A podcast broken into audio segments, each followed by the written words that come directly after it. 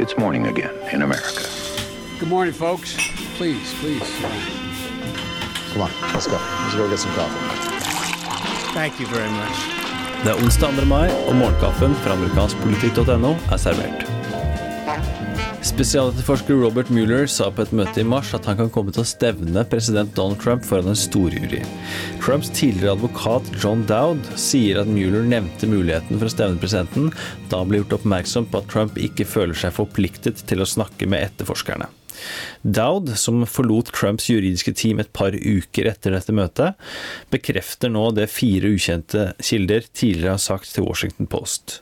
Etter dette møtet i mars så skal Muellers team ha gitt Trumps advokater detaljert informasjon om hva de ønsket å spørre Trump om. Jay Sekulow, en av Trumps advokater, formulerte deretter 49 mulige spørsmål til Trump. Og det var denne listen som ble lekket til New York Times på mandag, og som Trump har irritert seg over publikasjonen av siden. California og 17 andre delstater har saksøkt Trump-administrasjonen for å hindre reversering av lovendringer for utslippsregler på kjøretøy. Den opprinnelige lovgivningen var en av Obamas største tiltak for klima og miljø. Og Trump-administrasjonen skal ønske å justere utslippsreglene tilbake til nivået før 2011, og enkelte delstater har allerede satt egne utslippsstandarder. Og det er disse som nå går sammen mot administrasjonen og miljøvernetaten Environmental Protection Agency, EPA, for å gjennomføre Obamas miljøvernmål for 2021. Harry Enton, tidligere fra 538, har nå skrevet om eh, hvordan det ligger an fram mot eh, mellomvalget og demokratenes sjanser for å ta tilbake flertallet der. Han trekker fram denne generiske stemmeseddelen, dvs. Si om han vil stemme for en republikaner eller en demokrat, uavhengig av hvem det måtte være. På disse målingene så leder nå demokratene med rundt 7 prosentpoeng.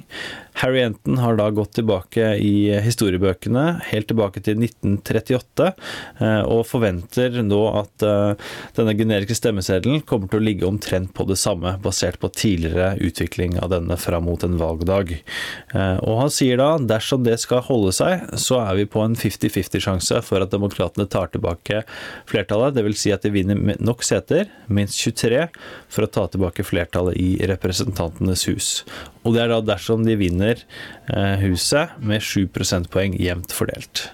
Med andre ord, det blir et meget spennende mellomvalg, og vi kommer til å ha mye mer om dette på amerikanskpolitikk.no, inkludert en spesialsending av Ampolkast senere i vår om dette mellomvalget. Dagens utgave av Morgenkaffen er servert av Hallis Stavang Flatjord og undertegnede Are Togflaten. Du leser mer om disse og andre saker på amerikanskpolitikk.no. Hyggelig du hører på, og så snakkes vi i morgen.